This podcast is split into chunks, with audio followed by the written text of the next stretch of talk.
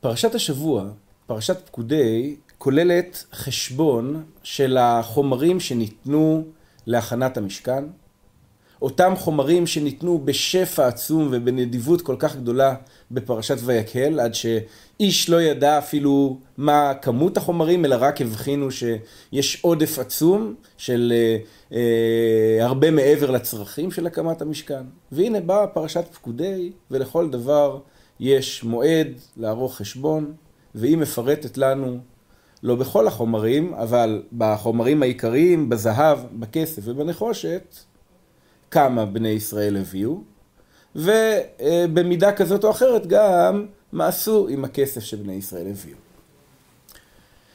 חז"ל מדגישים שאפילו משה צריך לפרט את החשבון הזה, מאחר שאדם צריך להיות נקי מהשם ומישראל, ולהסיר לזות שפתיים, שידעו שכל הכסף שהגיע לידיו כדי להקים את המשכן, אכן הגיע להקמת המשכן בפועל, וכך אותה רשימה חשבונית, לכאורה טכנית, לכאורה מיותרת, מקבלת פתאום משמעות רוחנית. היא מלמדת אותנו שגם במטרות הטהורות ביותר והטובות ביותר, צריך לערוך חשבון בסופו של דבר. כי לשחיתות יש דרך להתגנב מדי פעם מבעד לפרצות הקטנות. והנה אמרנו הפרשה מפרטת באופן מסודר את הזהב, הכסף והנחושת. אני קורא בפרשת פקודי בפרק ל"ח פסוק כ"ד. כל הזהב העשוי למלאכה בכל מלאכת הקודש, ויהי זהב התנופה תשע ועשרים כיכר ושבע מאות ושלושים שקל בשקל הקודש. זהב התנופה הוא זהב התרומה שנזכר בפרשת תרומה, בפרשה הקודמת. להניף ולהרים אלו מילים נרדפות. אז הנה חשבון הזהב, זאת כמות הזהב שניתנה. וכסף פקודי העדה, אחרי הזהב, שהוא המתכת היקרה, עברנו לכסף, המתכת היקרה פחות, וכסף פקודי העדה, מעט כיכר ואלף ושבע מאות וחמישה ושבעים שקל בשקל הקודש. בקע לגולגולת מחצית השקל בשקל הקודש, לכל העובר על הפקודים מבין עשרים שנה ומעלה, לשש מאות אלף ושלושת אלפים וחמש מאות וחמישים. ויהי מעט כיכר הכסף לצקת את אדני הקודש ואת אדני הפרוכת, מעט אדנים למעט הכיכר, כיכר לעדן. ואת האלף ושבע מאות וחמישה ושבעים עשה ווים לעמודים, וציפה ראשיהם וחישק אותם. פירוט מדויק כמה כסף, ועד השקל האחרון מה עשו עם כל הכסף הזה. ונחושת התנופה, המתכת השלישית בערכה, שוב, נחושת התנופה כמו נחושת התרומה, 70 כיכר, ואלפיים וארבע מאות שקל. ויעש בה את אדני פתח אוהל מועד, ואת מזבח הנחושת, ואת מחבר הנחושת אשר לו, ואת כל כלי המזבח, ואת אדני החצר סביב, ואת אדני שער החצר, ולכל, ואת כל ידות המשכן, ואת כל ידות החצר סביב. אז יש לנו פירוט של זהב התנופה, ויש לנו פירוט של נחושת התנופה, אבל עיון קל ומפתיע יגלה שאין לנו פירוט של כסף התנופה. שאלה פוליטית מובהקת מתבקשת פה והיא שאלת איפה הכסף. למה אני מתכוון? הכסף שנזכר אצלנו בפרשה בפסוק כ"ה הוא כסף פקודי העדה. כלומר, יש פה כסף של מחצית השקל. שממנו נעשו כל הדברים הללו. לא מדובר פה על הכסף שמשה מצטווה לבקש מאת בני ישראל בפרשת תרומה. לא מדובר על הכסף שמשה מבקש מאת בני ישראל לתרום למשכן בפרשת ויקהל. והלא בני ישראל בפרשת ויקהל תורמים גם כסף, זה נאמר במפורש. למרבה ההפתעה, הכסף הזה לא נמצא כאן. כסף פקודי העדה הזה שכן נמצא כאן, מפתיע מסיבה נוספת. והסיבה היא שהפעם הראשונה ששמענו שבני ישראל נפקדו, כלומר נמנו, נספרו, הוא ממש כאן, כלומר, המפקד מקבל ביטוי ראשון בתורה, במילים, וכסף פקודי העדה, מעט כיכר, ואלף ושבע מאות וחמישה ושבעים שקל בשקל הקודש, בקע לגולגולת מחצית השקל בשקל הקודש, לכל העובר על הפקודים מבין עשרים שנה ומעלה לשש מאות אלף ושלושת אלפים וחמש מאות וחמישים. כלומר, מה עיקר ומה טפל במפקד הזה? הדבר המדהים הוא לגלות שהעיקר הוא הכסף והטפל הוא המספר. כביכול, אלמלא היו אומרים לנו כמה כסף הגיע למשכן, לא היו טורחים לומר לנו כמה היו באותו מפקד שבו פקדו את בני ישראל. מפקד שלא שמענו עליו דבר עד הפסוק הזה. מתי מתרחש המפקד הזה בעצם? למה הוא מתרחש? ולמה הכסף של המפקד מחליף את כסף התנופה במלאכת אוהל מועד? אז בואו נתחיל מן השאלה מתי מתרחש המפקד. המספר שמופיע בפרשה שלנו, במפקד, הוא כאמור 603,550. זה מספר בני ישראל. המספר הזה תואם בדיוק את המספר שמופיע במפקד בתחילת ספר במדבר. שם השם מצווה את משה, שאו את ראש כל עדת בני ישראל למשפחותם לבית אבותם, במספר שמות כל זכר לגולגלתם, לגולגלותם, מבין עשרים שנה ומעלה כל יוצא צבא בישראל, ותוצאות המפקד, אני קורא בספר במדבר, פרק א', פסוק מ"ד, אלה הפקודים אשר פקד משה ואהרון ונשיאי ישראל, 12 איש, איש אחד לבית אבותיו היו, ויהיו כל פקודי בני ישראל לבית אבותם, מבין 20 שנה ומעלה, כל יוצא צבא בישראל, והיו כל הפקודים 600 אלף ושלושת אלפים וחמש מאות וחמישים. כלומר, זה בדיוק אותו מספר, ומכאן שהמפקד של תחילת ספר במדבר, בעצם מייצג את אותו מספר של בני ישראל, כמו המפקד שנמצא אצלנו בפרשת פקודי. אלא מה? שבמפקד שם אנחנו מקבלים שפע עצום של התייחסות לתהליך הפקידה, לתהליך המניעה, ושום התייחסות למחצית השקל. ואצלנו אנחנו מקבלים שפע של התייחסות למחצית השקל, לכסף, בפרשת פקודי, אבל עצם הסיפור של פקידת העם, למעשה כמעט ולא נזכר.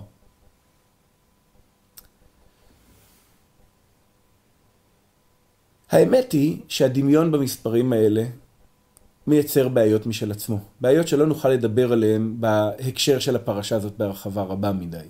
אבל רק ארמוז אליהן. המפקד שלנו חייב היה להיערך לפני הקמת אוהל מועד, שהלא האדנים נעשים מכסף המפקד. ולעומת זאת, המפקד של ספר במדבר נעשה באחד לחודש השני, בשנה השנית. האם יכול להיות שבמהלך כמה חודשים, חודשיים, שלושה, לא השתנה מספרם של בני ישראל מבין עשרים שנה ומעלה כלל? זאת שאלה שהפרשנים הרבו לעסוק בה. אנחנו לא ניגע בה, אלא רק נציין שזאת באמת שאלה מעניינת, שהלא מבחינה סטטיסטית היינו מצווים, מצפים שמספרם של בני ישראל יגדל במעט במהלך התקופה הזאת. שאלה נוספת שנוגעת לשוויון המספרי, והיא שאלה מטרידה, היא העובדה ש-603,550 בספר במדבר לא כולל באמת את כל בני ישראל. מי נכללים במפקד של ספר במדבר? אז נחזור ונקרא בפרק א', פסוק, נחזור לקרוא מפסוק מ"ו, והיו כל הפקודים 600 אלף ושלושת אלפים וחמש מאות וחמישים, והלוויים במטה אבותם לא הותפקדו בתוכה.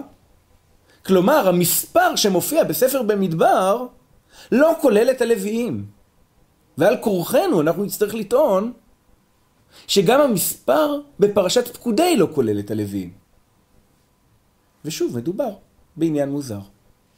הלוויים לא נכללים כחלק מהמפקד של פרשת אה, במדבר, מאחר שהמפקד של פרשת במדבר איננו לדעת כמה אנשים יש בישראל, ובוודאי שאיננו להשיג כסף להקמת המשכן. המפקד של ספר במדבר נועד למטרות צבאיות מובהקות, לדעת כמה חיילים יש למחנה ישראל. ושבט לוי לא עומדים לצאת למלחמה. חזרתי לקרוא במדבר פרק, פרק א', וידבר אדוני אל משה לאמור, אך את מטה לוי לא תפקוד ואת ראשם לא תישא בתוך בני ישראל. ואתה הפקד את הלווים על משכן העדות ועל כל כליו ועל כל אשר לא, הם יישאו את המשכן ואת כל כליו והם ישרתו וסביב למשכן יחנו. כלומר התפקיד של הלוויים פה הוא לשמור על המשכן בניגוד לצבאות בני ישראל שלהם יש תפקידים אחרים. אבל למה כשאוספים מחצית השקל מכל אחד מישראל להקים את המשכן לא לוקחים כסף מהלוויים? אתם רואים שאלות מתחילות להצטבר פה, שאלות על גבי שאלות.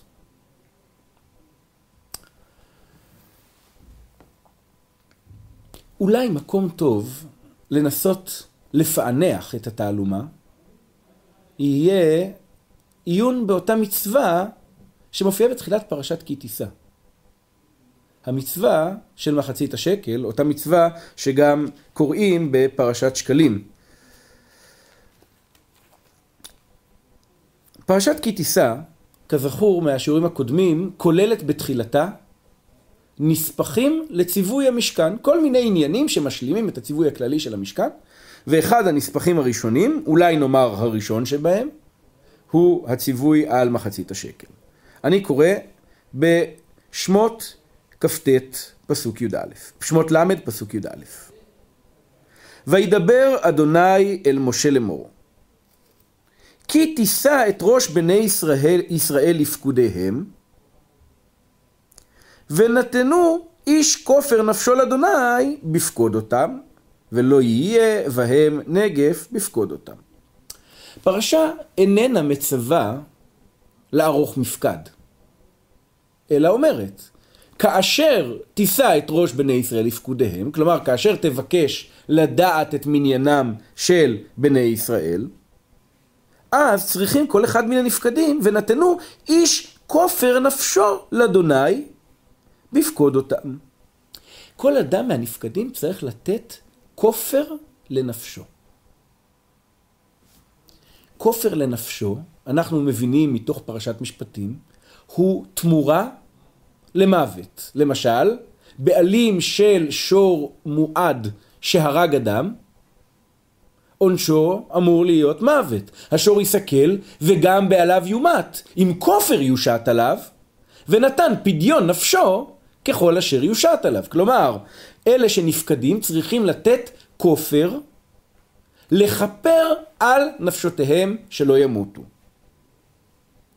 אם הפירוש הזה נראה קצת מוגזם, הרי המשך הפסוק מפרש שזה בדיוק העניין. ולא יהיה בהם נגף בפקוד אותם.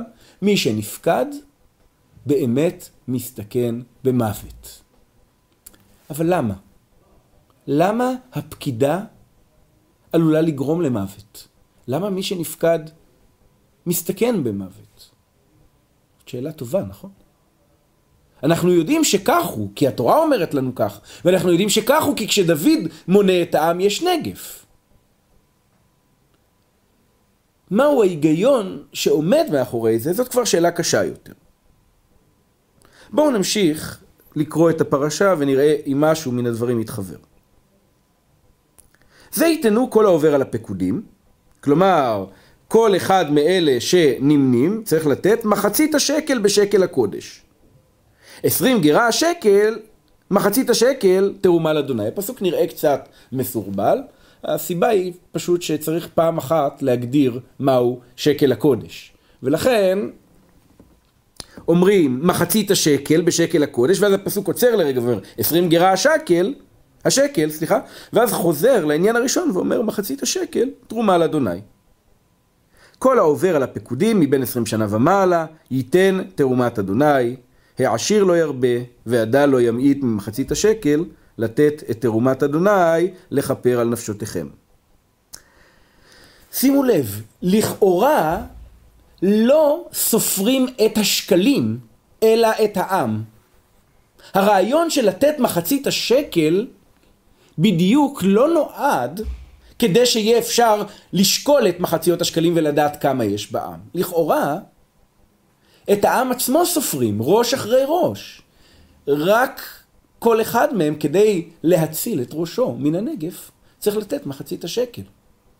למה העשיר לא ירבה והדל לא ימעיט? כי במקרה הזה נפשות כולם, כך נראה, שקולות זו לזו, וזאת בעצם המשמעות של מפקד.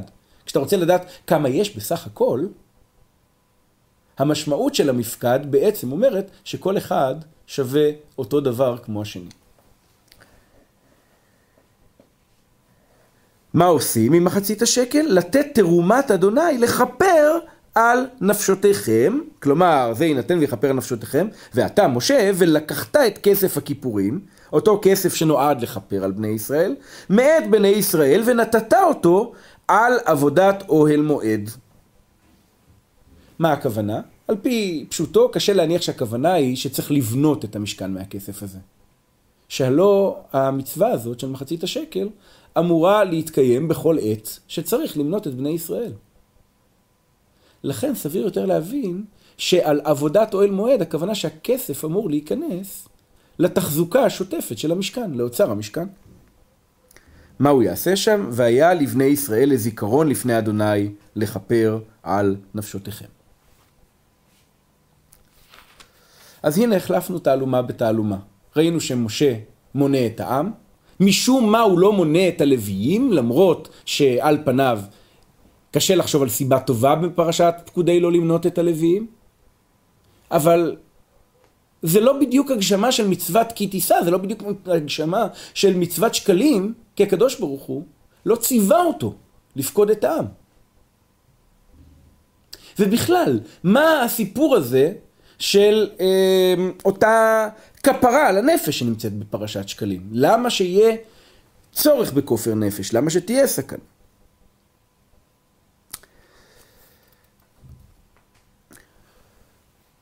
דומה שפתרון, קודם כל, לתעלומה של פרשת שקלים, אפשר למצוא בסיפור מלחמה שמופיע בספר במדבר, כאשר בני ישראל יוצאים להילחם נגד מדיין. בספר במדבר, פרק ל"א, כעונש למדיין על המזימה של בעל פאור, יוצאים צבא ישראל למלחמת נקמה, והדבר המדהים הוא שהם חוזרים ללא אף נפגע אחד. אני קורא במדבר, ל"א, פסוק מ"ח, ויקרבו אל משה הפקודים, השם הזה הפקודים מושך את תשומת ליבנו, זה ייתנו כל העובר על הפקודים, נכון? אשר לאלפי הצבא, שרי האלפים ושרי המאות, ואולי יש טעם להזכיר שהפעם הראשונה ששרי האלפים ושרי המאות נזכרים אחרי העצה של יתרו זה כשישראל יוצאים להילחם במדיין. סוג מוזר של צדק פואטי. והם אמרו אל משה, עבדיך נשאו את ראש אנשי, אה, אנשי המלחמה, עבדיך נשאו את ראש אנשי המלחמה, מתכתב בצורה מאוד ברורה עם כי תישא את ראש בני ישראל. כלומר, אולי בני ישראל שנספרים פה הם אנשי המלחמה.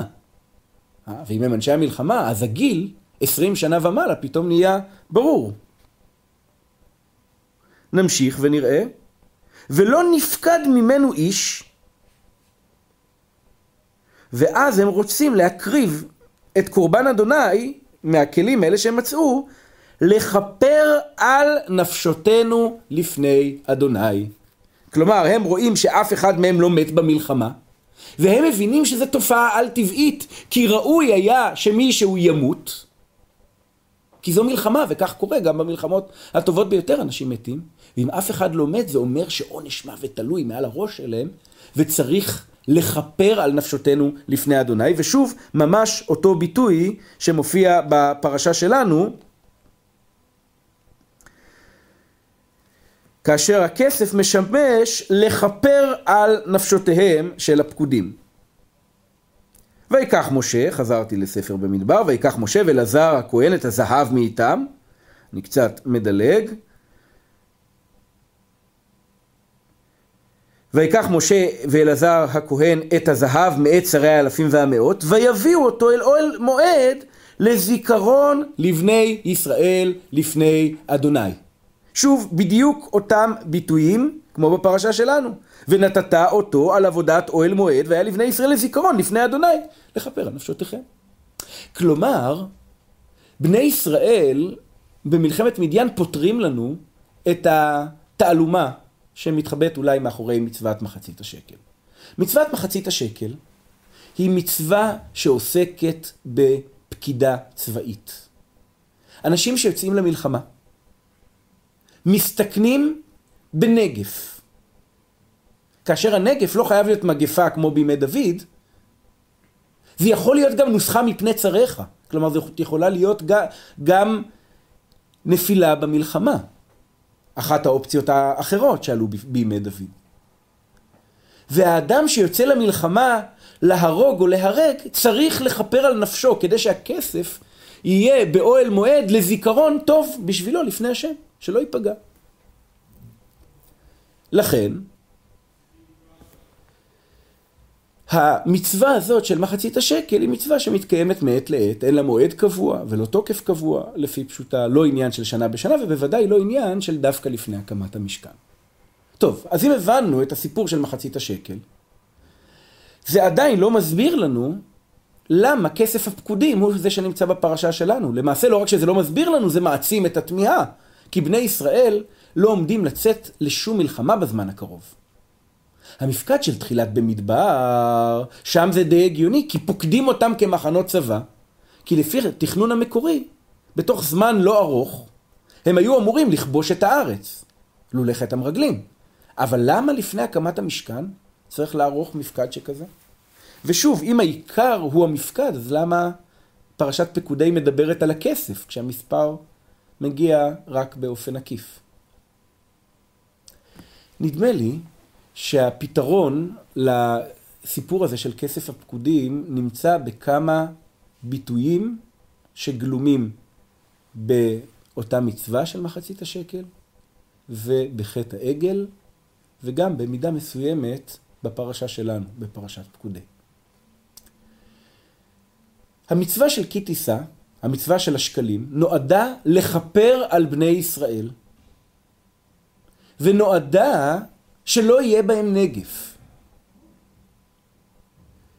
ואולי זה רק צירוף מקרים שבפרשת כי תישא עצמה, אותה פרשה שבה נמצא הסיפור הזה של השקלים, המצווה הזאת של השקלים, משה נתקל בחטא העגל ובא אל בני ישראל ואומר להם, אולי אכפרה בעד חטאתכם.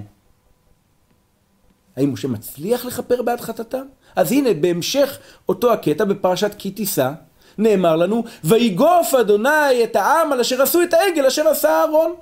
אז יש לנו כפרה ויש לנו נגף. שני אלמנטים שמופיעים בפרשת מחצית השקל. ואולי עוד משהו אחד חשוב. משה מבקש מאת הקדוש ברוך הוא לשאת את חטאתם של בני ישראל. בתקיפות שאין כמוה. הוא פונה אל הקדוש ברוך הוא ואומר להם, ואתה אם תישא את חטאתם, ואם אין, מחן הנה מספרך אשר כתבת. המילה תישא, שוב, כאן אולי לא כקישור מהותי, אבל כקישור לשוני, מושכת אותנו ל"כי תישא את ראש בני ישראל". מה תגובתו של השם לתביעה הזאת של משה לשאת את חטאם של ישראל ולא לתת בהם נגף? אומר השם למשה, וביום פוקדי ופקדתי עליהם חטאתם. ויגוף אדוני את העם על אשר עשו את העגל אשר עשה אהרון. אז הנה עוד ביטוי שמצטרף. וביום פוקדי ופקדתי עליהם חטאתם. שזה ולא יהיה בהם נגף בפקוד אותם.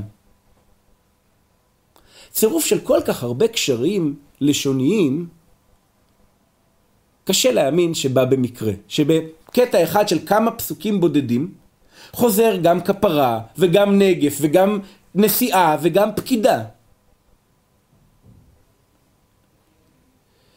והשאלה שצריך לשאול בעצם היא מה הקשר בין הדברים. והנה ההצעה. פרשת השקלים נועדה מעיקרה לכפר על בני ישראל במקרה שבו יהיה צורך לספור אותם כדי שלא יהיה בהם נגף. אבל בא משה רבנו ודן דין בעצמו ואומר כלומר במצב שבו יש סכנה במצב שבו עלול להיות נגף מה שיכול לכפר על בני ישראל מפני הנגף ביום הפקידה הוא מחצית השקל. אם כך, אם עם ישראל חטא בחטא, שצריך עליו אולי הכפרה בעד חטאתכם, ואם השם לא מוכן לשאת את חטאתם, ומודיע ביום פוקדי ופקדתי עליהם את חטאתם, ונוגף אותם על אשר עשו את העגל, אומר משה, אני יכול לעצור את ביום פוקדי ופקדתי, או לפחות לצמצם אותו. אני יכול לעצור, או לפחות לצמצם את הנגף. איך עושים את זה? לוקחים מחצית השקל ושמים אותו על עבודת אוהל מועד. לא צריך לפקוד את העם, כי אין שום סיבה ואין שום צורך לפקוד את העם. המפקד של פרשת במדבר, העיקר שלו הוא פקידת העם, ולכן מחצית השקל כי לא נזכרת, כי היא לא כל כך חשובה.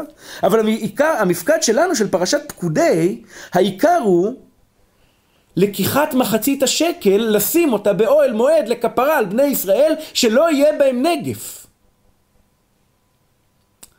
וכך בעצם משה מנצל, הייתי אומר במרכאות, את הסגולה שגלומה במחצית השקל שנועדה במקור לעצור נגף מסוג אחד, על מנת לעצור נגף מסוג אחר. עכשיו, הדבר הזה שלא מייעד משה את הכסף, אולי גם מוסיף פה, אה, אומר, רעיון אה, דרשני יותר, אבל אה, גם עמוק. משה לוקח את הכסף הזה, את מחצית השקל שהוא לוקח מכל אחד מישראל, שנועד לכפר על נפשותם של כל העם שחטאו בעגל, ומשתמש בו בעיקר כדי לעשות אדנים למשכן. כלומר, המשכן שעתיד להיבנות אחרי חטא העגל, עומד להיות מיוסד על האדנים שעשויים מהכסף של הכפרה של בני ישראל. כלומר, אם חטא העגל ביטל את ציווי המשכן, והשם סלח לישראל והשיב את הציווי של המשכן אל כנו, בא עכשיו משה ואומר המשכן עומד לעמוד על הכפרה של בני ישראל, על כסף הכיפורים של בני ישראל, ולכל אחד ואחד חלק שווה בהעמדה בעיצוב הזה של המשכן. המעשה הזה של משה למעשה הוא חלק ממגמה רחבה יותר שלא דיברנו בה, של הרחבת החלק של ישראל במשכן כתשובת המשקל לחטא העגל. העם שנטלו חלק גדול בחטא העגל, יזכו עכשיו על ידי משה לחלק גדול ככל הניתן בהקמת המשכן, על מנת שיבוא המשכן ויכפר על העגל.